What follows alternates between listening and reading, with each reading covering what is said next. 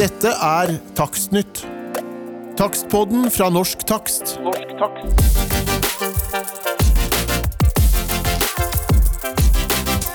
Hjertelig velkommen til en ny episode av Takstnytt.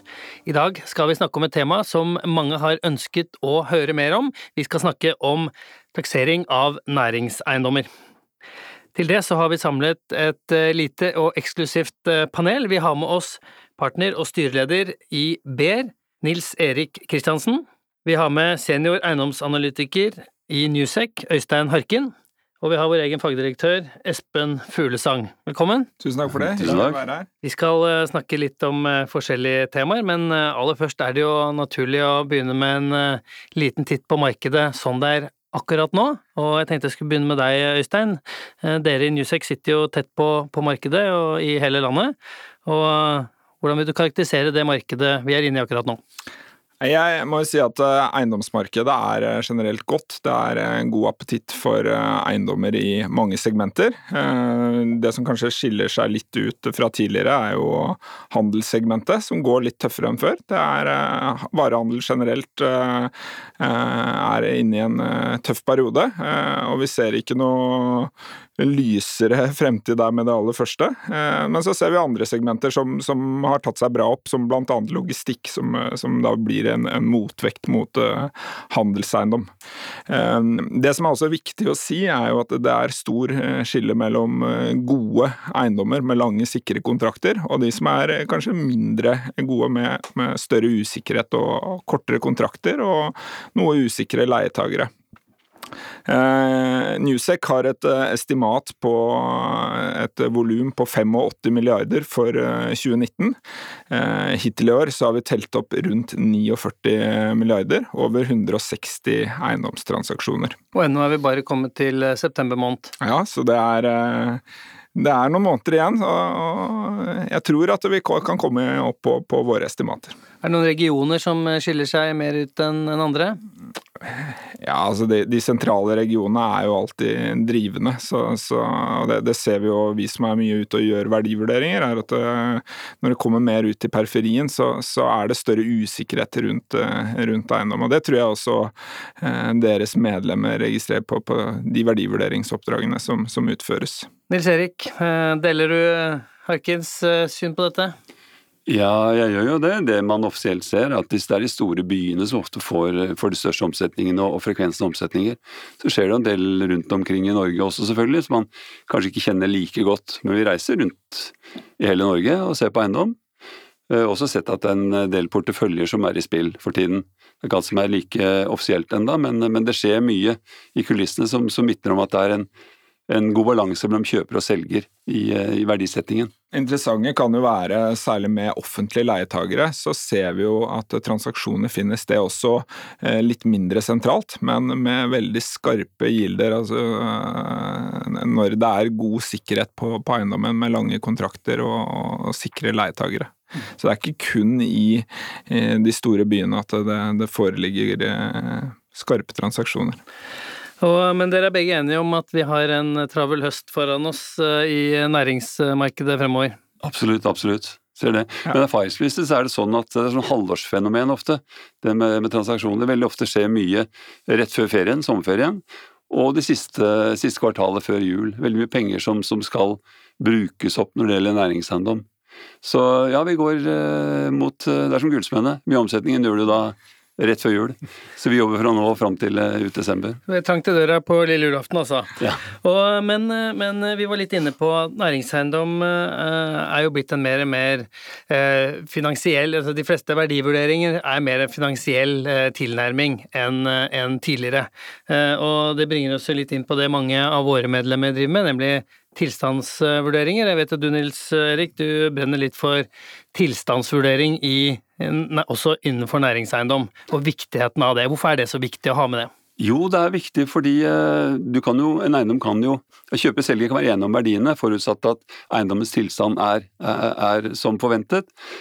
Og det er klart, Hvis du da kjøper en eiendom og ikke er klar over et latent vedlikeholdsbehov, så vil du fort kunne gi for mye for eiendommen. Og det er jo det vi prøver å, å ivareta også når vi verdivurderer eiendom, i hvert fall gi noe innspill på det vedlikeholdsbehovet som, som ligger i eiendommen. Og det er klart, Da kan du jo utføre en, en teknisk DD, altså due diligence, som skjer på større eiendommer, som er en frivillig, frivillig avtale. Eh, men i hvert fall ha fokus på, på, å få fram de elementene, så ikke du eier eiendom et år, og så plutselig dukker det opp store vedlikeholdsetterslep, som da er eierkost.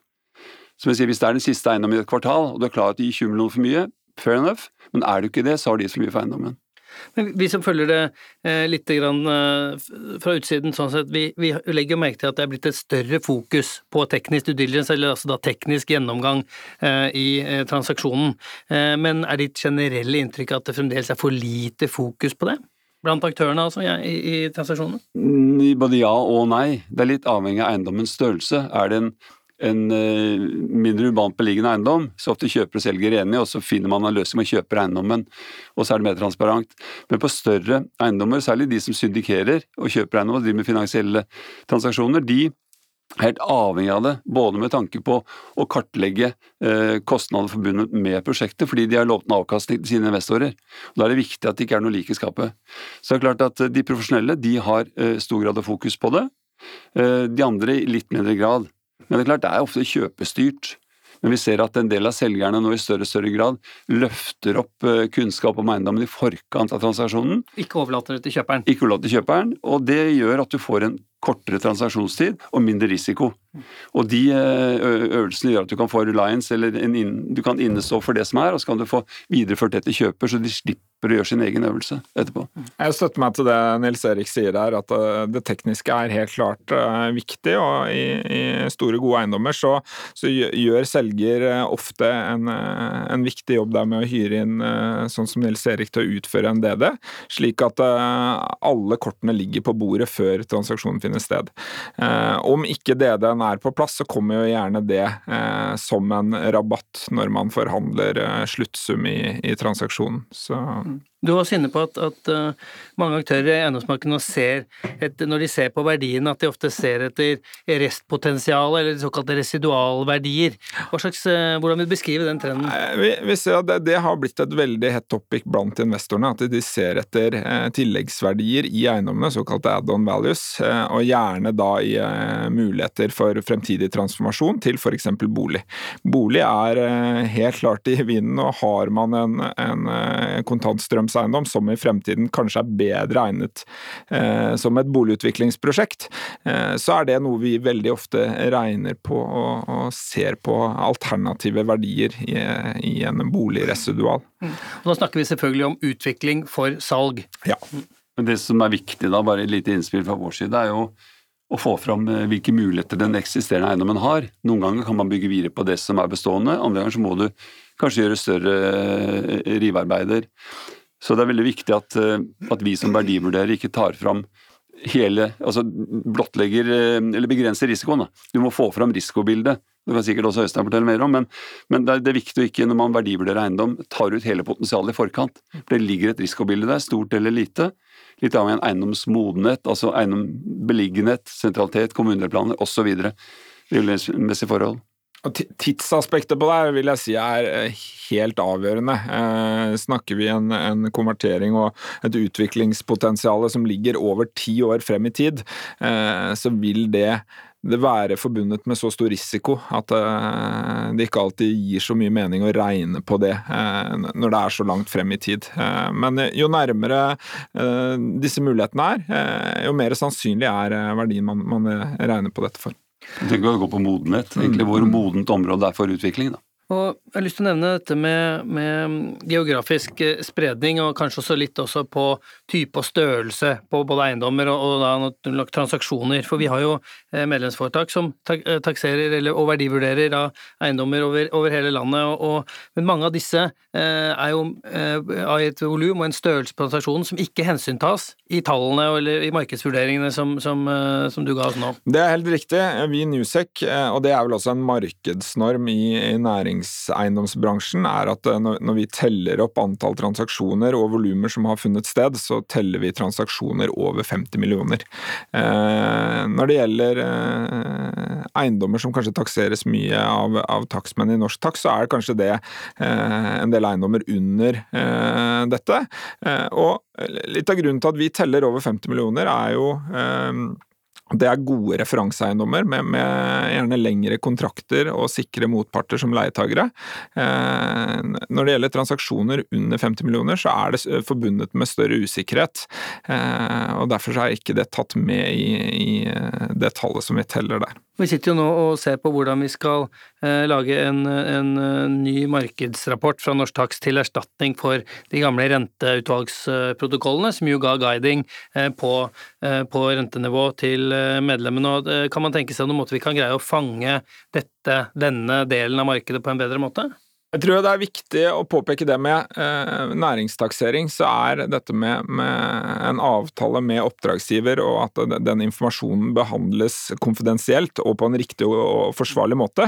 Eh, når det er sagt, så tror jeg at norsk takst har en fantastisk infrastruktur og veldig gode fagsystemer som kan fange mye data, eh, som igjen kan mulig brukes til en anonymisert eh, statistikk. Men jeg tror det er viktig at det gjøres eh, korrekt slik at uh, ikke informasjon spres på feil måte. Og Så må vi snakke litt om, om eh, kompetanse. Uh, og, og, mm, Norsk Takst er jo den norske organisasjonen som er akkreditert for å utstede godkjenningen eh, Recognized European Valuer, som altså er, er den europeiske takseringsorganisasjonen Tegova sin, sin godkjenningsordning for eh, verdivurdering verdivurdering av næringseiendommer. Dere to er jo begge REV-sertifisert og, og oppfatter det som en viktig, viktig del av godkjenningen deres? Ja, absolutt. Det å kunne dokumentere kompetanse er utvilsomt veldig viktig. Eh, og Norsk Dags er jo kjent for det, men kanskje i størst grad også for utenlandske kjøpere, som er mer eh, bevisste på at du skal dokumentere en eller annen tittel eller en eller annen bakgrunn. I Norge så er det nok ikke alle som er like godt eh, kjent med hva REV innebærer, men vi ser når vi har utenlandske kunder, så er det et kriterium som, som, som krysses av. Pluss at du har etterutdanning og oppfølging etter det. Um, har dere merket noen endringer i, i eh, det norske markedet? Har vært tidligere eh, blant utlendinger. Det har vært, vært, populært å si at det har vært et lukket og en liten andedam, og at de lokale aktører i Norge liksom snapper opp ting før store internasjonale aktører i det hele tatt får snudd seg rundt og sett nøye på det.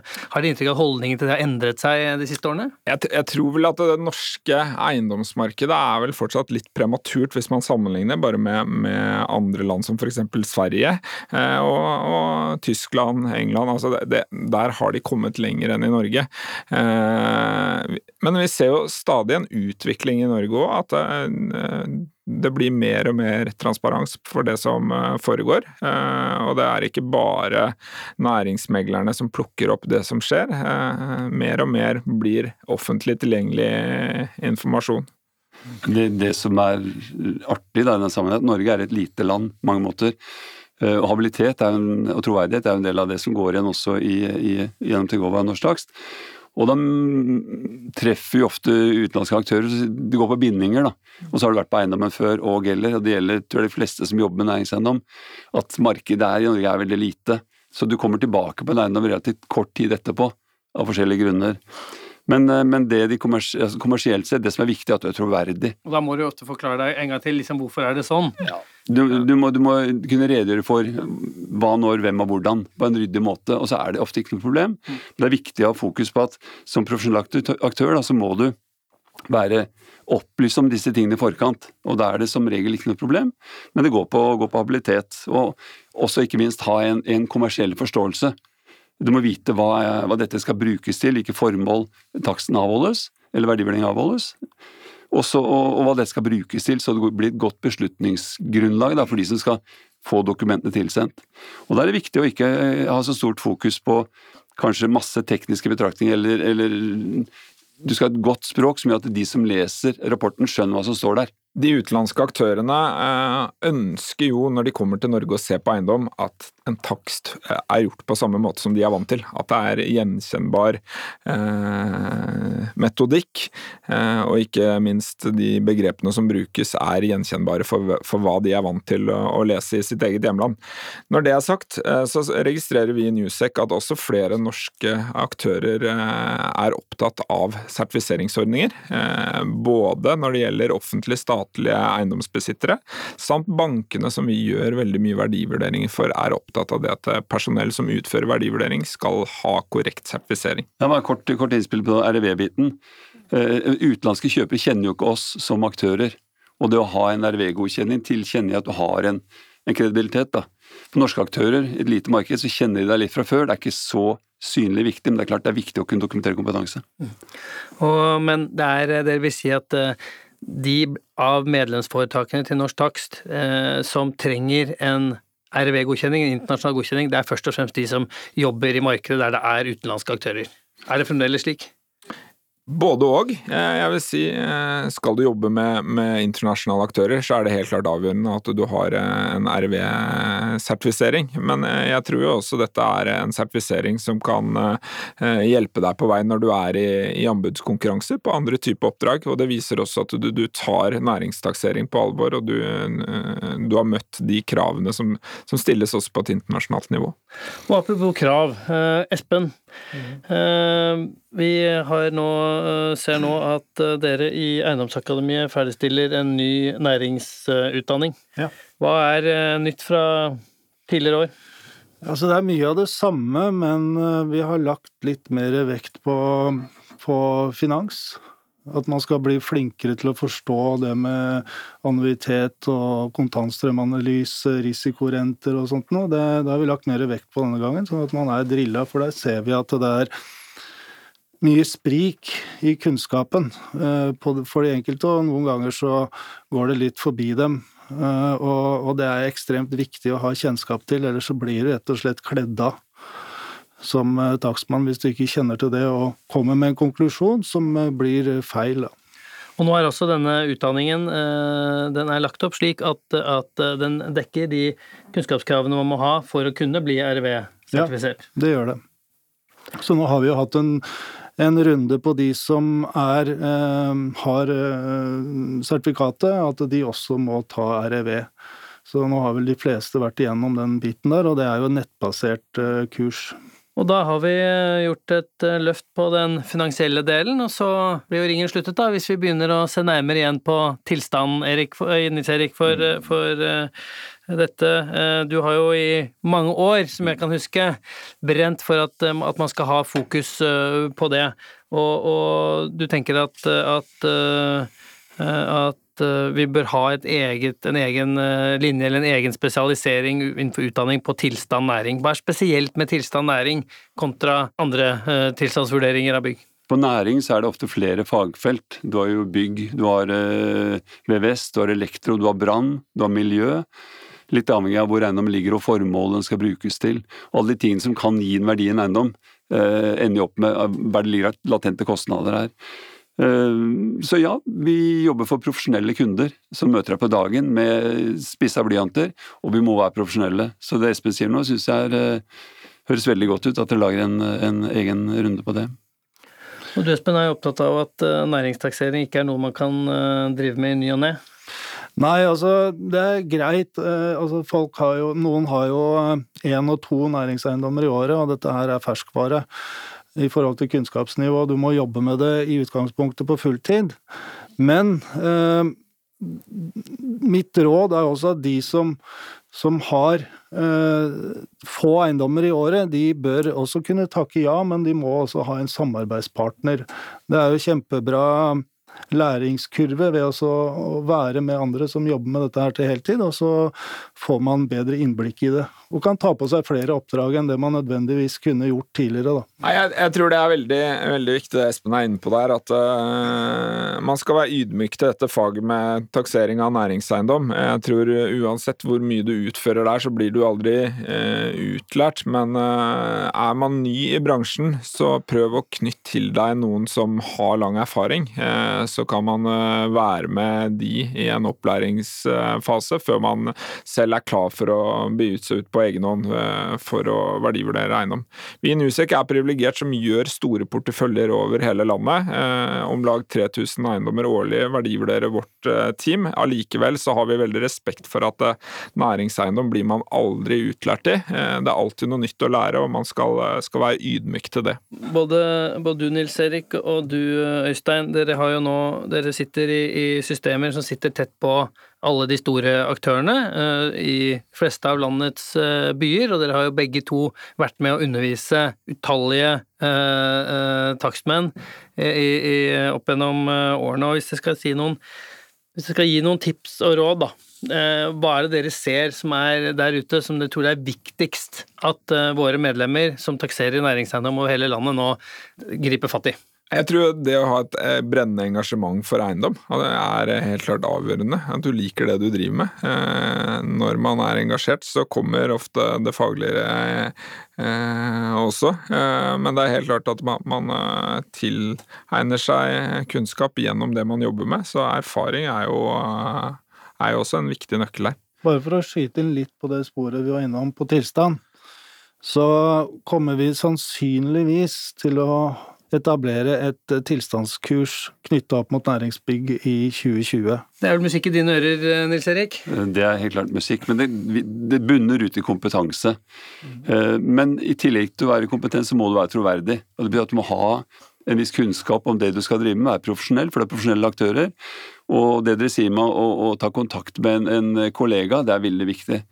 Og da er det kanskje viktig å stille opp på, på en del av eh, tilstelningene som, som, som forbundet også har det være seg generalforsamling eller fagdager, hvor man treffer andre aktører. som man det var sånn jeg plukket de jeg spurte i siden jeg startet. altså Plukker eh, de du syns er troverdige i vår egen organisasjon, og kanskje gjennom de kan få en god tilnærming til oppdragene du kanskje ikke umiddelbart sier ja til. Så Det morsomme med bransjen er at du lærer noe nytt hver dag hvis du vil. Og der leieskruen, den er der. Det er like gøy i dag som for, for 20 år siden. Fordi vi har nytt, mulighet til å lære oss noe nytt ved å være tilgjengelig og ydmyke til det. Så Viktig. Jeg tenker at uh, terskelen for å spørre andre om uh, hjelp og erkjenne at man har litt lavere kunnskap om spesielle områder, er utrolig viktig, og det er bedre å være dum i ett sekund enn resten av livet, så det er bare å spørre. Helt klart.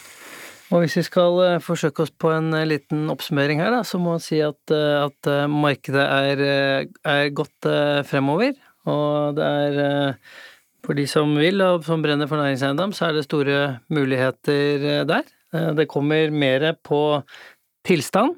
Eh, det kommer en ny europeisk verdivurderingsstandard nå på norsk i løpet av høsten. Og for de som måtte ha spørsmål eller ønsker om mer næringsstoff, kanskje mer spesialisert enn vi rakk i denne lille podkasten, de kan skrive til Takstnytt at norsktakst.no no, eller ta kontakt med Katarina eller, eller eh, Espen. Så med det så sier jeg tusen takk til Nils Erik Kristiansen i BR, Øystein Harkin i Newsec og Espen Fuglesang. Så er Takstnytt tilbake ganske snart. Takk for i dag. Dette var Takstnytt. Takstpodden fra Norsk Takst. Norsk takst.